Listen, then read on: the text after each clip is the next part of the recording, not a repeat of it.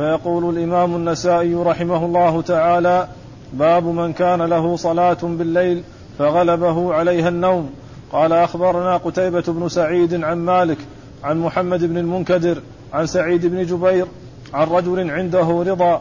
أخبره أن عائشة رضي الله عن رجل عنده رضي. أخبره أن عائشة رضي الله عنها أخبرته أن رسول الله صلى الله عليه وسلم قال ما من امرئ تكون له صلاة بليل فغلبه عليها نوم إلا كتب الله له أجر صلاته وكان نومه صدقة عليه. بسم الله الرحمن الرحيم. الحمد لله رب العالمين وصلى الله وسلم وبارك على عبده ورسوله نبينا محمد وعلى آله وأصحابه أجمعين. أما بعد يقول النسائي رحمه الله باب من كان له آه، صلاة فغلبه نوم. من كان له صلاة بالليل فغلبه عليها النوم. باب من كان له صلاة بالليل فغلبه عليها نوم أو غلبها عليه عليها النوم.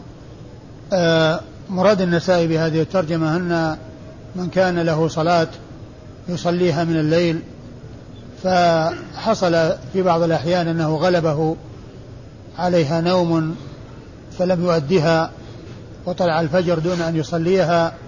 فإن الله تعالى يكتب له أجر آه، يكتب له الأجر على تلك الصلاة التي كان قد اعتادها وإن كان قد نام عنها ويكون نومه هذا النوم الذي حصل له عليه صدقة معنى أنه حصل الأجر وثبت له الأجر من أجل أنه كان قد اعتاد ذلك الشيء وكان ينوي ويريد أن يصليه ولكن غلبه عليه النوم. فهو من أجل آه، كونه ناويا ذلك وكونه معتادا ذلك ويريد هذا الشيء. ولكن حال بينه وبينه النوم الذي غلبه فإن الله تعالى يأجره آه، على ما كان يفعله مثل ما كان يفعله ويكون هذا النوم الذي حصل له صدقة من الله عز وجل عليه. وهذا يدلنا على عظيم كرمه سبحانه وتعالى وفضله وإحسانه وأنه يثيب الإنسان على حسب نيته وعلى حسب قصده.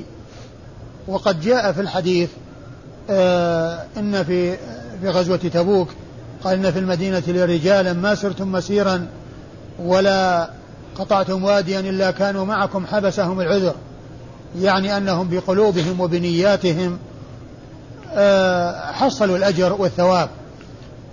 ومما يذكر هنا أن فيه حديث مشهور عند الناس وهي نية وهو نية المؤمن خير من عمله وهذا غير صحيح. هذا حديث ضعيف. كون نية الإنسان خير عمل المؤمن خير من عمله لم يثبت ذلك عن رسول الله عليه الصلاة والسلام بل الذي ورد في ذلك حديث ضعيف لم يثبت عنه صلى الله عليه وسلم. اقرأ المتن أن رسول الله صلى الله عليه وسلم قال ما من امرئ تكون له صلاة بليل فغلبه عليها نوم من هو الصحابي؟ عائشة. نعم. ما من؟ ما من امرئ تكون له صلاة بليل فغلبه عليها نوم إلا كتب الله له أجر صلاته وكان نومه صدقة عليه.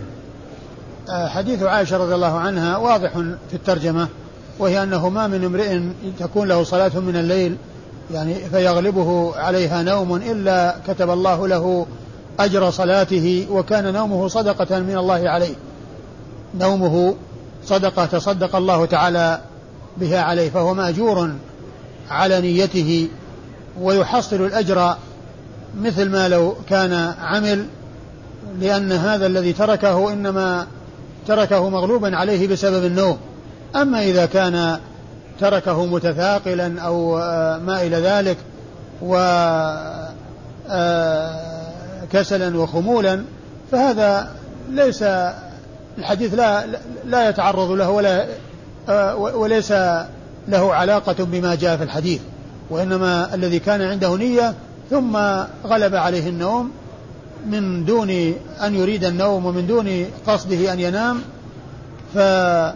فإن الله تعالى يأجره على نيته ويثيبه على ذلك وذلك النوم الذي حصل صدقة من الله عز وجل عليه.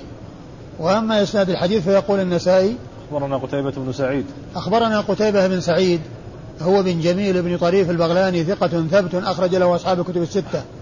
عن عن مالك. عن مالك بن أنس إمام دار الهجرة المحدث الفقيه الإمام المشهور. أحد أصحاب المذاهب الأربعة المشهورة من مذاهب أهل السنة وحديثه عند أصحاب الكتب الستة. عن محمد بن المنكدر. عن محمد بن المنكدر المدني وهو ثقة أخرج له أصحاب الكتب الستة. عن سعيد بن جبير. عن سعيد بن جبير وهو ثقة فقيه أخرج له أصحاب الكتب الستة. عن رجل عنده رضي. عن رجل عنده رضي يعني أنه مرضي عنده. يعني معناه أنه آه هذا الرجل الذي لم يسمه لم يسمه لم يسمى في الرواية أنه مرضي عند سعيد سعيد بن جبير رحمة الله عليه وهو مبهم. وقد جاء بيانه في الإسناد الذي بعد هذا.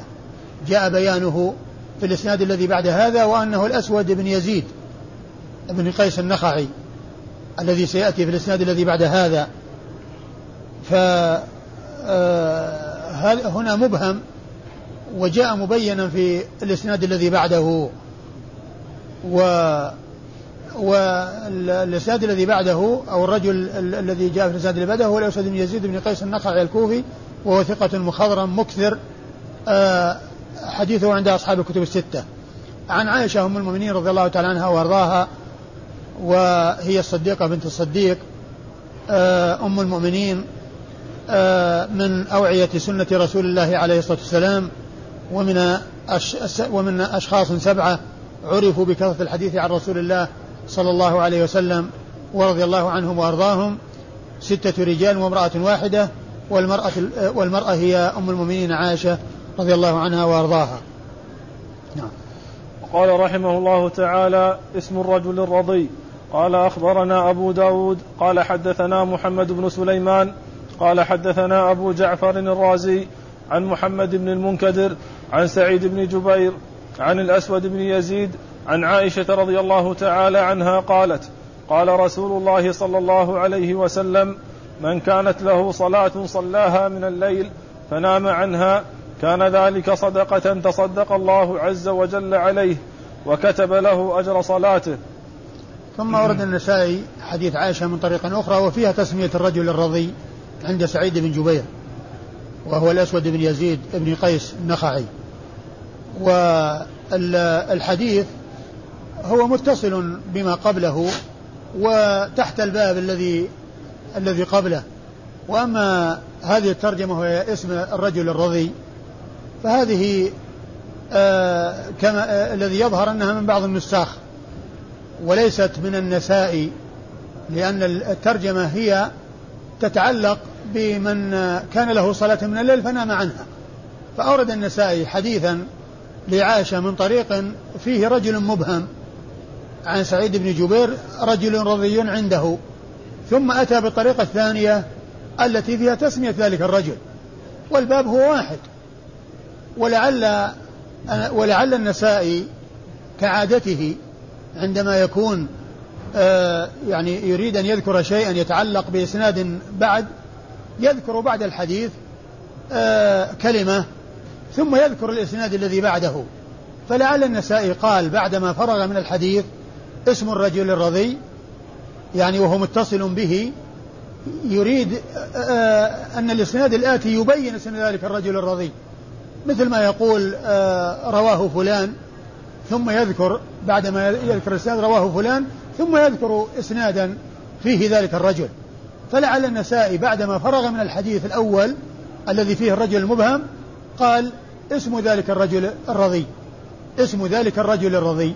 ثم ساق الإسناد الذي فيه اسم ذلك الرجل الرضي. فعمد أو جاء بعض النساخ فجعله عنوان. جعله عنوان ترجمة. وباب. وهو في الحقيقة ليس باب لأن الباب هو آه، من نام عن كان له صلاة ونام عنها. والحديث الثاني والأول والثاني كلها تتعلق في هذا الموضوع.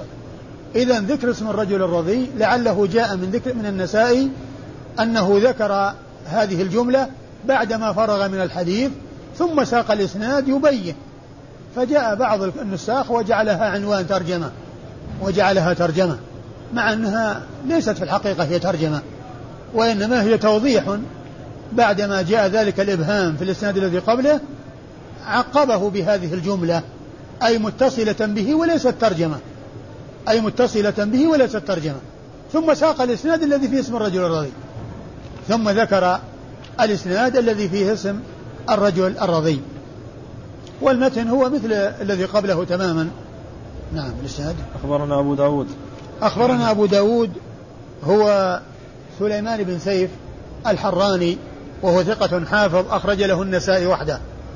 عن محمد بن سليمان بن أبي داود الحراني وهو صدوق؟ صدوق نعم. وهو صدوق أخرج له النسائي وحده. النسائي وابن ماجه عن؟ النسائي وابن ماجه.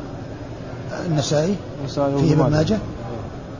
فيه ابن ماجه؟ هذا نعم؟ النسخة الشامية عند ابن ماجه.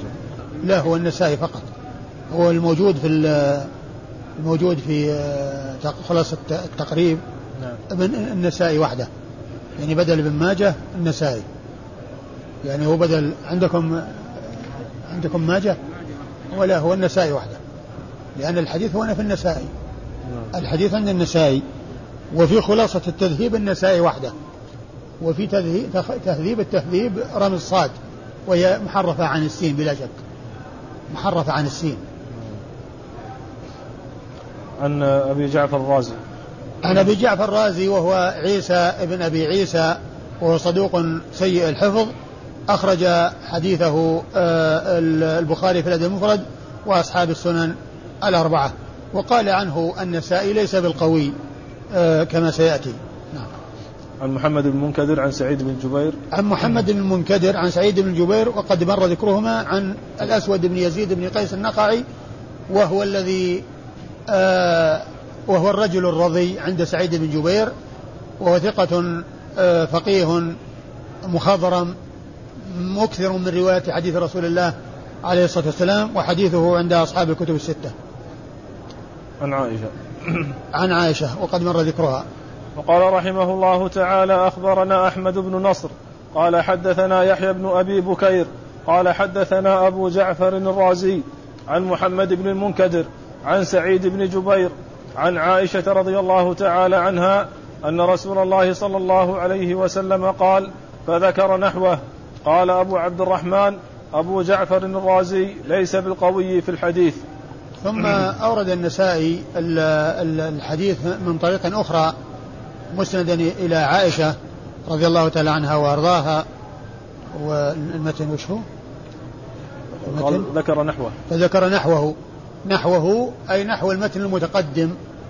وكلمة نحوه يعني معناه أنه يوافقه في المعنى وإذا قيل مثله يوافقه في اللفظ والمعنى. وهنا قال فذكر نحوه يعني نحو نحو المتن المتقدم. فذكر نحو المتن المتقدم يعني ما يشابهه ويقاربه ويتفق معه في المعنى. فهذا هو الفرق بين مثله ونحوه. إذا قيل مثله يعني معناه اللفظ مثل اللفظ. وإذا قيل نحوه فالمعنى هو نفس المعنى ولكن اللفظ فيه اختلاف. والإسناد؟ أخبرنا أحمد بن نصر.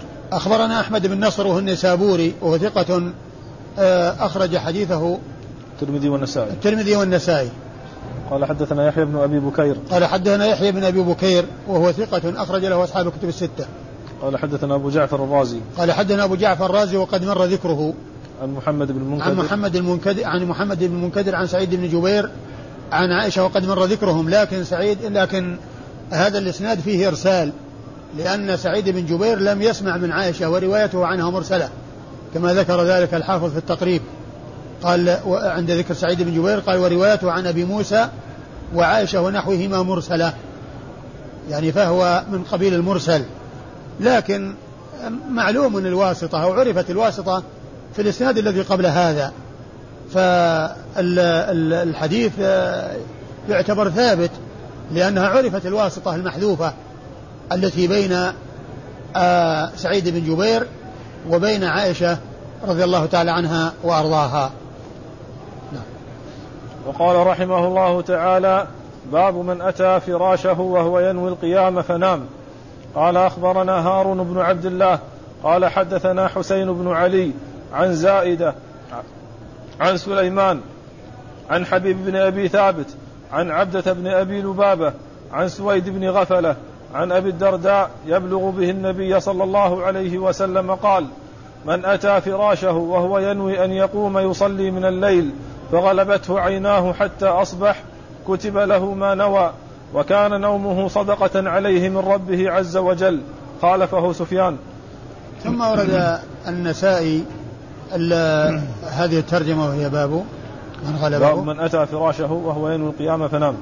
باب من أتى فراشه وهو ينوي القيام فنام. وهذه قريبة من التي قبلها. هذه الترجمة قريبة من التي قبلها.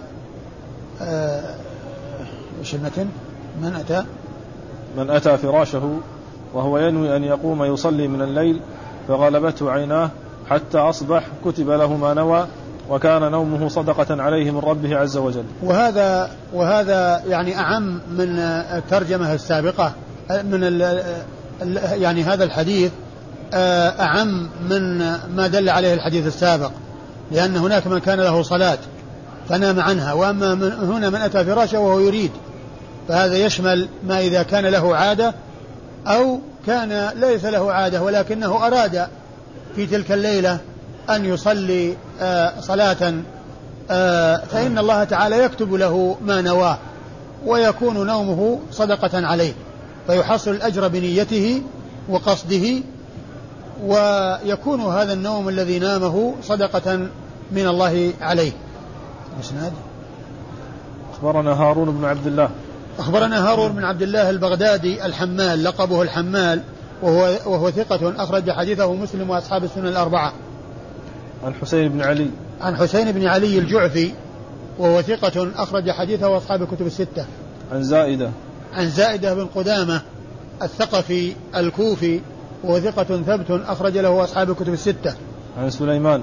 عن سليمان وهو الأعمش سليمان بن مهران الكاهلي ذكر هنا باسمه ويذكر أحيانا بلقبه ومعرفة ألقاب المحدثين من أنواع علوم الحديث لأن لأن من لا يعرف ذلك قد يظن الشخص الواحد شخصين فإذا إذا ذكر باسمه أحيانا وباسم وبلقبه أحيانا يظن أن هذا شخص وهذا شخص وسليمان هنا غير منسوب وهو سليمان بن مهران الأعمش الكاهلي الكوفي ثقة أخرج حديثه أصحاب الكتب الستة.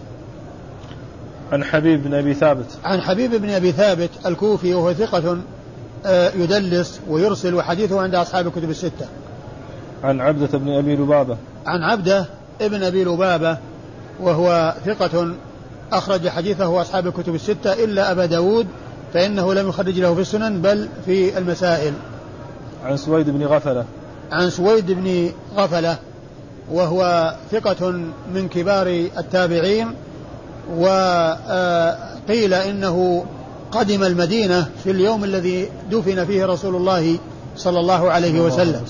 قدم المدينة في اليوم الذي دفن فيه رسول الله صلى الله عليه وسلم وكان مسلما في حياته ولكنه ما ما ظفر بصحبته ولا برؤيته عليه الصلاة والسلام. وهذا هو الذي يصلح أن يقال فيه كاد أن يكون صحابيا. وقد قالوا في ترجمة الصنابحي كاد أن يكون صحابيا وكان قدم من اليمن ولا ولما صار في الجحفة جاء وفد أو ركب من المدينة وأخبروه أخبروه أصحابه بأن الرسول صلى الله عليه وسلم توفي وأنه آه أنه توفي عليه الصلاة والسلام. فبلغهم الخبر وهم في الطريق إلى المدينة.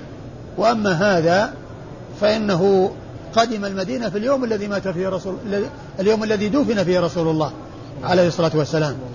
وهو من كبار التابعين ومن المعمرين. إلى إن عم إن عمره آه، مئة وثلاثين سنة. وذكر أبو نعيم في الحلية في ترجمته أنه كان يصلي بالناس التراويح في رمضان وعمره مئة وخمس وعشرون سنة. مئة وخمس وعشرون سنة كان يصلي بالناس قيام رمضان.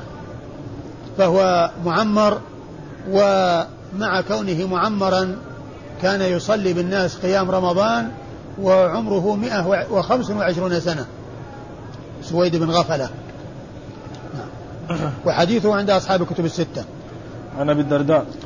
عن أبي الدرداء عويمر بن قيس الأنصاري صحابي جليل حديثه عند أصحاب الكتب الستة. وقال رحمه الله تعالى أخبرنا سويد بن نصر قال حدثنا عبد الله عن سفيان الثوري عن عبده قال سمعت سويد بن غفلة عن أبي ذر وأبي الدرداء موقوفا. ثم أورد النسائي حديث آه آه هذا الحديث آه من طريق أخرى إلى أبي ذر وإلى أبي الدرداء وهي موقوفة عليهما والمتن هو نفس المتن ولكن مثل هذا لا يقال بالرأي فله حكم الرفع فله حكم الرفع. والحديث اللي راح منه عنه الصحابي نعم. الصحابي عن أبي الدرداء. عن أبي ذر نعم. وابي الدرداء. لا الأول عن أبي الدرداء. عن أبي الدرداء. يعني فهذا عن أبي الدرداء وعن أبي ذر. فهو موقوف عليهما وجاء في الأول رفعه إلى رسول الله عليه الصلاة والسلام أي عن طريق أبي الدرداء المتقدمة. وهذه الطريقة عن أبي ذر وأبي الدرداء موقوفة عليهما. ومثل هذا له حكم الرفع لأن مثل ذلك لا يقال من قبل الرأي. كونه يعني آه الله تعالى يتفضل عليه بأن يكتب له أجر آه، الصلاة التي ما التي نواها ونومه صدقة عليه. مثل هذا لا يقال بالرأي. فلو لم يأتي مرفوعا إلى رسول الله عليه الصلاة والسلام في الطريقة السابقة أو في الطرق المتقدمة فإنه آه، آه، له حكم الرفع لأن مثل ذلك لا يقال من قبل الرأي. لأن الشيء الذي فيه تحديد ثواب وبيان أجور أو إخبار عن أمور مغيبة أو ما إلى ذلك هذه لا تقال من قبل الرأي فلها حكم الرفع إذا كانت آه، موقوفة على الصحابة والإسناد أخبرنا سويد بن نصر. أخبرنا سويد بن نصر المروزي وهو ثقة أخرج حديثه الترمذي والنسائي عن عبد الله هو بن المبارك المروزي وهو ثقة أخرج حديثه أصحاب الكتب الستة. عن سفيان الثوري. ها؟ عن سفيان الثوري. عن سفيان الثوري سفيان بن سعيد بن مسروق الثوري الكوفي ثقة ثبت حجة وصف بأنه أمير المؤمنين في الحديث ويمنع على صيغ التعديل وأرفعها وحديثه عند أصحاب الكتب الستة. عن عبده. عن عبده هو بن أبي لبابة الذي تقدم في الإسناد الذي قبل هذا. عن سويد بن غفلة عن أبي ذر وأبي الدرداء. عن سويد بن غفلة عن أبي الدرداء وقد مر ذكرهم وأما أبو ذر فهو جندب بن جنادة صحابي حديثه عند أصحاب الكتب الستة. وقال رحمه الله تعالى باب كم يصلي من نام باب كم يصلي من نام عن صلاة أو منعه وجع. قال أخبرنا قتيبة بن سعيد قال حدثنا أبو عوانة عن قتادة عن زرارة عن سعد بن هشام عن عائشة رضي الله تعالى عنها أن رسول الله صلى الله عليه وسلم كان إذا لم يصل من الليل منعه من ذلك نوم أو وجع صلى من النهار ثنتي عشرة ركعة. ثم ورد النسائي هذه الترجمة كم يصلي من نام عن صلاة أو غلبه وجع يعني صلاة الليل. أو غلبه نوم أو أو غلبه أو منعه وجع. أو منعه وجع. يعني لم يتمكن من الصلاة. كم يصلي من النهار يعني قضاء إذا أراد أن يقضي؟ الأحاديث المتقدمة تدل على حصول الثواب وإن لم يحصل قضاء.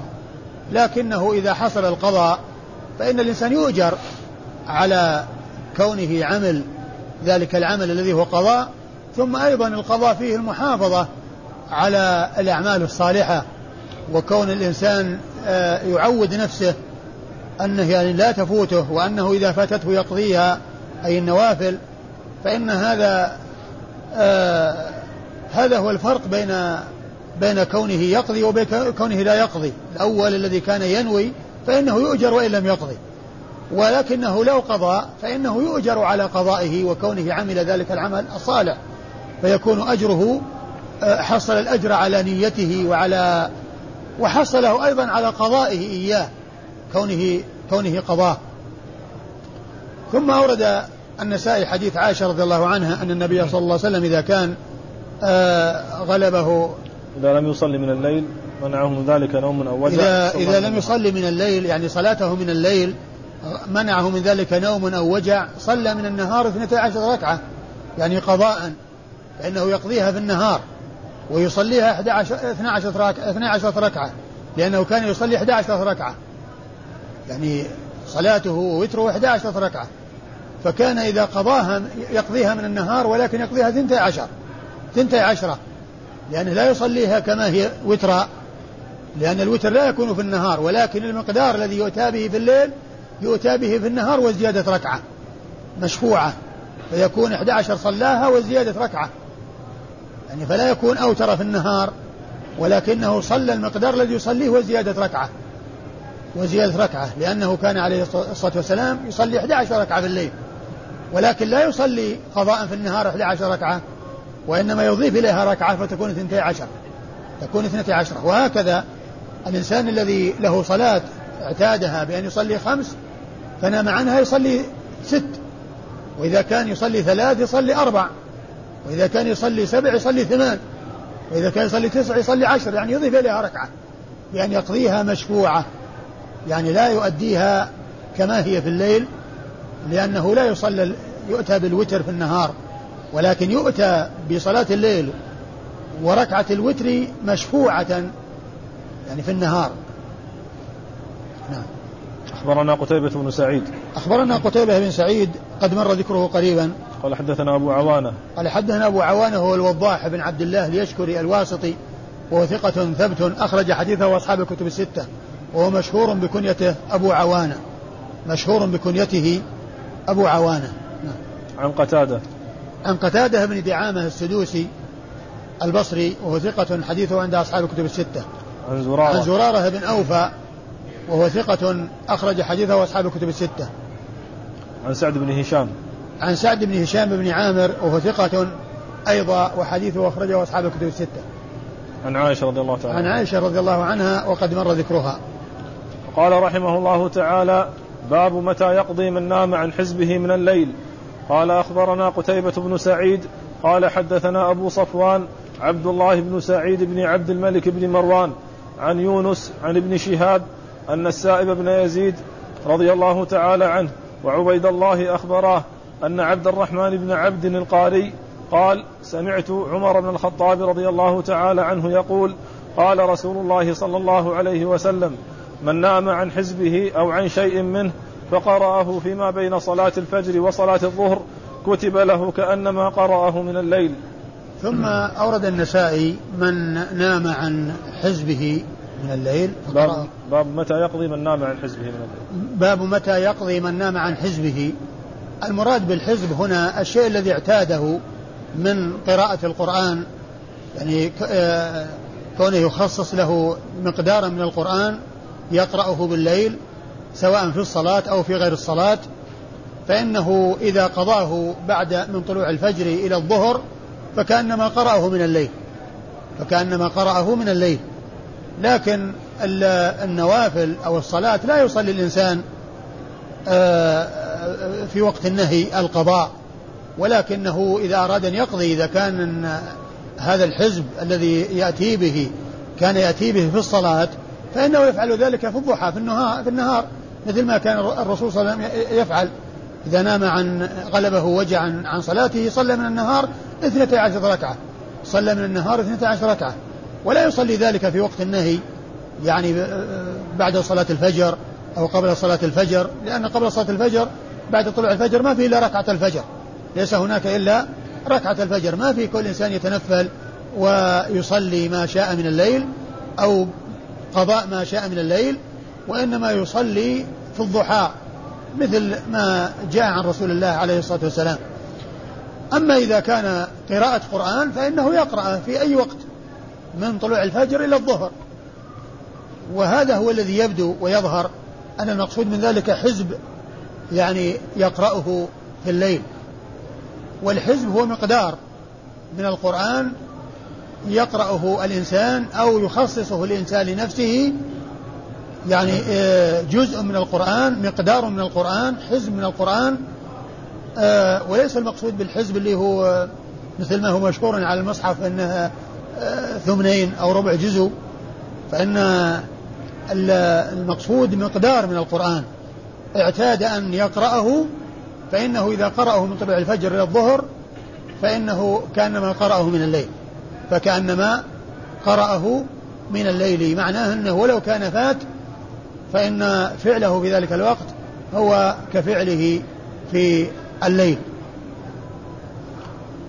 والصحابة رضي الله عنهم كانوا يحزبون القرآن.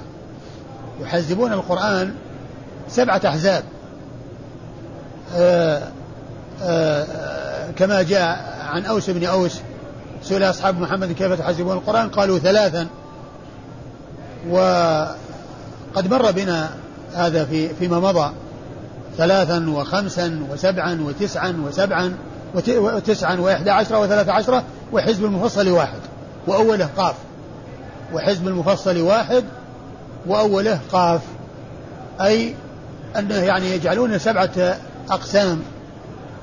يعني ثلاث سور هي حزب. البقرة والنساء وآل عمران. ثم بعدها خمس سور حزب. اللي هي المائدة والأنعام والأعراف والأنفال والتوبة. ثم سبع حزب. التي هي يونس وهود ويوسف والرعد وإبراهيم والحجر والنحل. ثم بعد ذلك التسع من تبدأ من من الإسراء. الإسراء والكهف ومريم و وطه والأنبياء والحج والمؤمنون والنور والفرقان. ثم بعد ذلك إحدى عشرة. الشعراء ثم النمل ثم آه، آه، ثم القصص ثم العنكبوت ثم الروم ثم لقمان ثم السجدة ثم الأحزاب ثم ثم سبأ ثم ثم فاطر ثم ثم ياسين 11 ثم من الصافات ثلاثة عشرة. الصافات وصاد والزمر وغافر وفصلت والشورى والزخرف والدخان والجاثية والأحقاف ومحمد والفتح والحجرات. ثم الحزب السابع أول قاف. حزب مفصل أول قاف. فحزبه يعني المقدار الذي كان يخصصه لنفسه سواء يعني يكون سمع القرآن أو أقل أو أكثر. فإذا فالمقصود أنه إذا كان قراءة بدون صلاة فمن طلوع الفجر إلى إلى الزوال كله مكان القراءة أما إذا كان بالصلاة فإنه يكون في الضحى. فإنه يكون في الضحى. ووقت النهي لا يقضى فيه الفوائد اللي هي الرواتب وإنما تقضى فيه الفرائض. أوقات النهي تقضى فيها الفرائض. ولكن ما, ما لكن ما تقضى فيها الفوائد اللي من النوافل. لأن النبي صلى الله عليه وسلم لما كان ترى آه، فاته آه، سنة الظهر بعدها فصلاها بعد العصر ثم داوم على ذلك فسئلت أم سلم فسألته أم سلمة قالت أفنقضيهما إذا فاتتنا؟ قال لا. أفنقضيهما كذلك إذا فاتتنا؟ قال لا. أخبرنا قتيبة بن سعيد. أخبرنا قتيبة؟ نعم. عن؟ عن أبي صفوان عبد الله بن سعيد. أخبرنا قتيبة قد مر ذكره عن أبي صفوان آه عبد الله بن سعيد بن عبد الملك بن عبد الملك بن مروان وهو ثقة أخرج حديثه أصحاب الكتب الستة إلا آه إلا إلا الترمذي. إلا ابن ماجه. أو إلا الترمذي. عندنا ابن ماجه. ها؟ الشامية ابن ماجه. إلا ابن ماجه؟ إيه؟ هل في تهذيب هو طبعا آه، هو موجود موجود رمز القاف بعد رمز القاف رمز القاف بعد قبل السين يعني موجود في المصرية وكذلك موجود في تهذيب التهذيب وموجود في خلاصة التذهيب. فلا أدري إذا كان في تهذيب الكمال أنه يعني ابن ماجه يعني ف أو أو أو لعل الأمر يعني أو أنه يعني الأمر أن فيه التاء مؤخرة عن السين أو أن التاء مؤخرة عن السين. هو إلا هو إلا ابن ماجه؟ إلا ابن ماجه؟ عندكم؟ نعم. إلا ابن ماجه؟ نعم لعله كذلك بس لعل التاء لما كانت مؤخرة عن السين.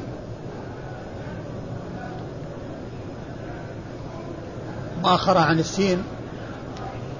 على كل هذا إذا كان يرجع إلى تهذيب الكمال ويتحقق منه. يرجع إلى تهذيب الكمال في التسمية. الأخ شريف يقول راجع إلى تهذيب الكمال. الأخ شريف. أيوة. رجع إلى تهذيب الكمال فيقول أنه إلا ابن ماجه. إلا ابن ماجه؟ إيه. خلاص. إذا كان في تهذيب الكمال ابن ماجه هو هو الفيصل. أخرج حديثه وأصحاب الكتب الستة إلا ابن ماجه. اللي هو عبد الله بن سعيد بن قي... بن عبد الملك بن مروان. صفوان بن عبد الله. أبو صفوان. نعم. أبو صفوان عبد الله بن سعيد بن عبد الملك بن مروان. عن يونس. عن يونس بن يزيد الأيلي. يونس بن يزيد الأيلي وهو ثقة أخرج حديثه أصحاب الكتب الستة. عن ابن شهاب. عن ابن شهاب وهو الزهري محمد بن مسلم بن عبيد الله بن عبد الله بن شهاب بن عبد الله بن الحارث بن زهرة بن كلاب ثقة فقيه آه، مكثر من رواية حديث رسول الله عليه الصلاة والسلام ومن صغار التابعين وحديثه عند أصحاب الكتب الستة. عن السائب بن يزيد وعبيد الله. عن السائب بن يزيد وهو صحابي صغير هو الذي قال حج بي مع رسول الله صلى الله عليه وسلم وعمره سبع سنوات وعمره سبع سنوات وحديثه أخرجه أصحاب الكتب الستة. وعبيد الله هو بن عبد الله بن عتبة بن مسعود هو من فقهاء المدينة السبعة المشهورين في عصر التابعين. وعبيد الله هذا هو أحدهم. وهم ستة متفق على عدهم في الفقهاء السبعة والسابع فيه ثلاث أقوال. السبعة الستة هم عبيد الله هذا عبيد الله بن عبد الله بن عتبة بن مسعود وخارجة بن زيد بن ثابت و آه، بن الزبير وسليمان بن يسار وسعيد بن المسيب والقاسم بن محمد بن أبي بكر. والسابع في ثلاث أقوال. قيل سالم بن عبد الله بن عمر بن الخطاب وقيل أبو سلمة بن عبد الرحمن بن عوف وقيل أبو بكر بن عبد الرحمن بن الحارث بن هشام. وحديث عبيد الله هذا عند أصحاب الكتب الستة. أن عبد عن عبد الرحمن بن عبد القاري القار... عن عبد الرحمن عن عبد الرحمن عبد الرحمن بن عبد القاري بتشديد الياء نسبة إلى القارة وهم قبيلة أو جماعة قبيلة من القبائل وقال لهم القارة ينسب إليها فيقال القاري مشدد وليس نسبة إلى القراءة يقال القاري. القاري نسبة للقراءة وإنما هي نسبة للقارة. وهو ابن عبد يعني غير منسوب غير مضاف مقطوع عن الإضافة. القاري وهي نسبة إلى القارة وهي نسبة إلى القارة. فعبد مقطوع عن الإضافة والقاري اللي بعده ليس ليس مضافا إليه عبد مضاف عبد مضافا إليها يعني آه وإنما هو نسبة إلى القارة وهو قيل له رؤية وقيل إنه ثقة من كبار التابعين وحديثه أخرجه أصحاب الكتب الستة. عن عمر بن الخطاب. عن عمر بن الخطاب رضي الله تعالى عنه آه، أبو حفص فاروق هذه الأمة ثاني الخلفاء الراشدين وأحد العشرة المبشرين بالجنة رضي الله تعالى عنه وأرضاه وذو المناقب الجمة والخصاء والفضائل رضي الله تعالى عنه وأرضاه وحديثه عند أصحاب الكتب الستة. وقال رحمه الله تعالى أخبرنا محمد بن رافع قال حدثنا عبد الرزاق قال أخبرنا معمر عن الزهري عن عبد الرحمن بن عبد القاري أن عمر بن الخطاب رضي الله تعالى عنه يقول قال رسول الله صلى الله عليه وسلم من نام عن حزبه أو قال جزئه من الليل فقرأه فيما بين صلاة الصبح إلى صلاة الظهر فكأنما قرأه من الليل. ثم ورد النسائي الحديث من طريق أخرى وهو مثل الذي قبله. عن عمر بن الخطاب إيش؟ نعم. ويقول قال رسول الله صلى الله عليه وسلم. قال رسول الله؟ نعم. نعم. الإسناد؟ أخبرنا محمد بن رافع. أخبرنا محمد بن رافع هو القشيري النيسابوري ثقة أخرج حديثه أصحاب الكتب الستة إلا ابن ماجه. قال حدثنا عبد الرزاق. قال حدثنا عبد الرزاق بن همام الصنعاني ثقة آه، حافظ مصنف وحديثه عند أصحاب الكتب الستة. عن معمر. عن معمر بن راشد الأزدي البصري ثم نزل اليمن وهو ثقة حديثه عند أصحاب الكتب الستة. عن الزهري. عن الزهري وقد مر ذكره. عن عبد الرحمن. عن عبد الرحمن بن عبد. نعم. وقد مر ذكره. عن عمر بن الخطاب. عن عمر بن الخطاب رضي الله تعالى عنه وقد مر ذكره. وقال رحمه الله تعالى أخبرنا قتيبة بن سعيد عن مالك عن داود بن الحصين عن الأعرج عن عبد الرحمن بن عبد القاري أن عمر بن الخطاب رضي الله تعالى عنه قال من فاته حزبه من الليل فقرأه حين تزول الشمس إلى صلاة الظهر فإنه لم يفته أو, كان أو كأنه أدركه أو كأنه أدركه رواه حميد بن عبد الرحمن بن عوف موقوفا. ثم ورد النسائي الحديث موقوف على عمر بن الخطاب رضي الله تعالى عنه وأرضاه وفيه أن من من فاته حزبه حزبه من الليل فقرأه من الزوال إلى صلاة الظهر. نعم. حين تزول الشمس إلى صلاة حين تزول الظهر. الشمس إلى صلاة الظهر فكأنما قرأه من الليل. يعني آه هذا فيه تقليل المدة وأما الذي قبله فهو أوسع لأنه من من من الفجر إلى إلى صلاة الظهر من الفجر إلى صلاة الظهر. ومن المعلوم أن هذا جزء من تلك المدة جزء من تلك المدة التي هي من طلوع الفجر إلى من الفجر إلى إلى إلى صلاة الظهر. فهذا جزء من ذلك وهو موقوف وله حكم الرفع. هو موقوف وله حكم الرفع لأن مثل ذلك لا يقال من قبل الرأي. الإسناد أخبرنا قتيبة بن سعيد. أخبرنا قتيبة بن سعيد وقد مر ذكره. عن مالك عن داود عن مالك وقد مر ذكره. عن داود بن الحصين وهو ثقة أخرج له أصحاب الكتب. نعم. ثقة أخرج له أصحاب الكتب الستة. ثقة إلا في عكرمة. ها؟ ثقة إلا في عكرمة. أي نعم. عن الأعرج.